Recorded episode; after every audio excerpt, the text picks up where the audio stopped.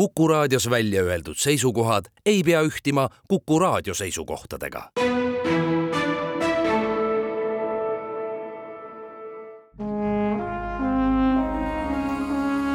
Vanemuise veerand. tere kõigile, kes meid kuulavad ilusat päeva jätku teile. mul on täna rõõm jagada stuudiot Vanemuise balletijuhi Mare Tomingaga. tere! tere! mina olen saatejuht Tiiu Rööp. Vanemuise balletil on sellel aastal rõõm tähistada oma kaheksakümne viiendat tegutsemisaastat ja seda tähistatakse nii suuremalt kui ka väiksemalt, nii publikuga kui ka ilma publikuta. toimub kaks sündmust, millele oodatakse publikut esimene nendest sündmustest toimub teisel märtsil, selleks on ballett Vihm detsembris. Teine sündmus, millest ma loodan, et me jõuame ka tänases saates rääkida, toimub kahekümne seitsmendal aprillil ja see algab kell kakskümmend kolm null null. jah, head kuulajad, ma ei eksinud, tõepoolest nii hilja. ja selleks on kesköine balletigala. alustame vast Chopini muusikale loodud ja tema elust inspireeritud balletist Vihm detsembris. selle lavastusmeeskond on valdavalt rahvusvaheline ning ähm, lavastaja, koreograaf on Kristina Paulin. ta on teinud tööd Saksamaa teatritele, aga ka teatritele Kasahstanis, Slovakkias, Ühendkuningriigis, Itaalias, aga Eestis on ta esimest korda. kus sa ta leidsid? tegelikult väga, väga mm, argisel moel, et et tihtipeale koreograafid saadavad oma töid, ma arvan, et üle maailma erinevatele balletijuhtidele. originaalpealkiri oli siis kolm korda Chopin, mille Kristiina lavastas Salzburgi Riigiteatris kahe tuhande kahekümne teisel aastal, nii et kaunis hiljuti, ja see oli siis ühevaatuseline ballett. Ja minul oli palve, et kui Kristiina meile tuleb sedasama lavastama, mis sobiks ideaalselt meie väiksesse majja, siis ta peab äh, selle etenduse tegema pikemaks, nii-öelda täis õhtut täitvaks. Ja Kristiina oli üllataval kombel kohe nõus, nii et äh, lisaks siis esimesele vaatusele on nüüd täiesti originaalne teine vaatus meie trupiga juba lavastatud, aga kokku siis ikkagi on ta üks tervik ja ma arvan, et Kristiina on ka selle üle õnnelik, et ta suutis oma loomingut edasi viia sellel teemal, sest vahest on niimoodi, et lavastaja küll mõtleb, aga kõik mõtted ei mahu tol hetkel nagu teatud aja piiresse, aga praegu sellel juhul äh, oli ta väga-väga õnnelik, et ta sai seda teha nii-öelda oma ideele anda teise võimaluse ja nagu täiustada seda. Siia juurde tuleks lisada, kui ballett Vihm detsembris esietendub teisel märtsil Vanemuise väikeses majas, siis päev varem tehakse selline, kuidas nüüd öelda, soojendusüritus see on publikuga kohtumine, mis on tasuta, sinna tuleb äh, etendusest rääkima siis lavastaja Kristiina Paulin, oodatud on kõik, äh, lisaks äh, tuleb Chopini elust ja loomingust rääkima Alo Põldmäe, nii et praegu on registreerinud ligi kaheksakümmend inimest, nii et see on väga-väga rõõmustav, et selline huvi on selle etenduse vastu. ma arvan, et eelkõige on selle muusika võlu just see, mis, mis kutsub sellest teemast äh, huvituma ja mis annab sellele etendusele erilise värvi, sest Chopini muusika kõlab elavas ettekandes. meie Vanemuise sümfooniaorkestri kontsertmeister Margus Riima mängib siis äh, laivis seda muusikat ja lisaks on sellel etendusel veel ka külalishelikujundaja, kes on ise tantsija taustaga, kes siis on natukene lisanud värve, elektroonilisi värve just sellepärast, et, et avada Chopini loomingu kõrval Chopini isiksuse siseheitlusi.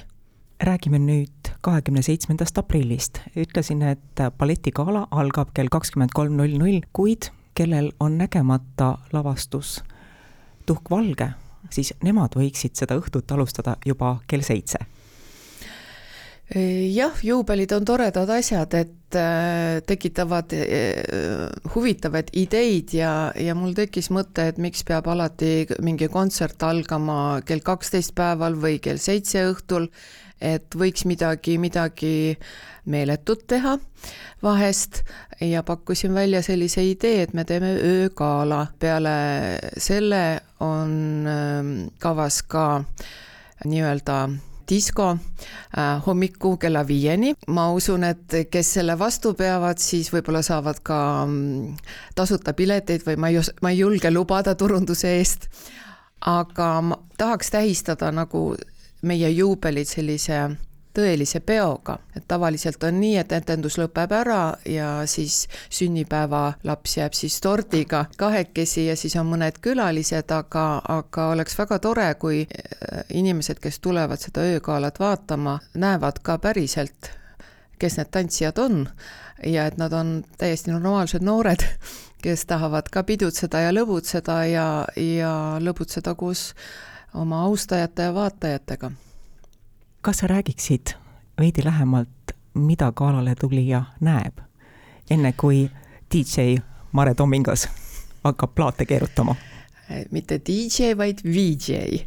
et, et seal pidi olema suur vahe, sest äh, me näitame siis videomuusikat läbi kaheksakümnendi ma arvan, et meie noored äh, ei teagi paljusid lugusid, äh, mis minu nooruses popid olid ja, ja mina ei tea ka paljusid lugusid, mis oli enne mind, nii et see on ka omamoodi rännak. E, see on siis pärast galat.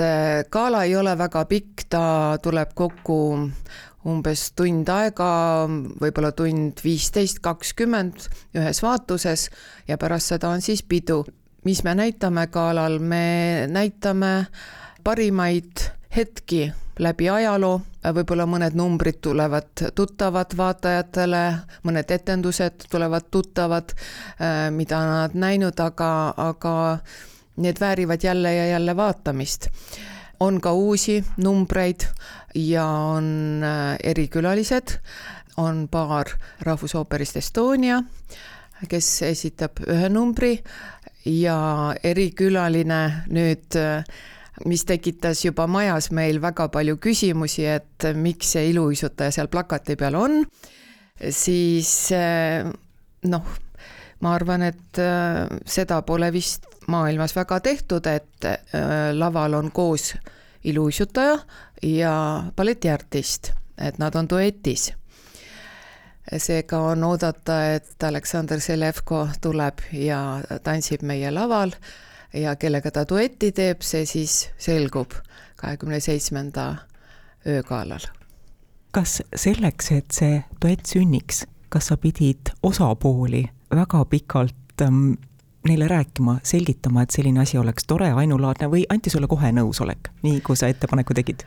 no ma võin olla väga veenev ja Selevkot ma ei kutsunud sellepärast, et ta järsku niimoodi üle ilma kuulsaks sai, ma märkasin teda juba varem, nii et see, see on nüüd lihtsalt kokkusattumus, et, et eh, inimene, kes on eh, nii tuntud meil Eestimaal ja võib-olla kaugemal, et justkui me teeme reklaami ja puhkame tema kuulsuse peale, ei, see ei ole mitte niimoodi.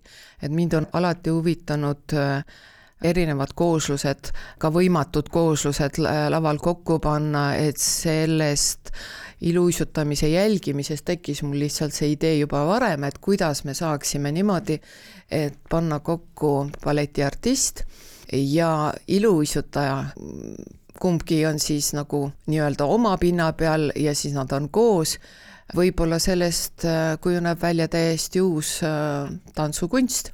niisugused plaanid vaikselt on aga mis teeb selle õhtu raskeks, et äh, kui meil tund aega enne seda numbrit on ikkagi tõsine balletiklassika, neoklassika, erinevad numbrid, et siis viimaseks numbriks peab meil laval jää olema.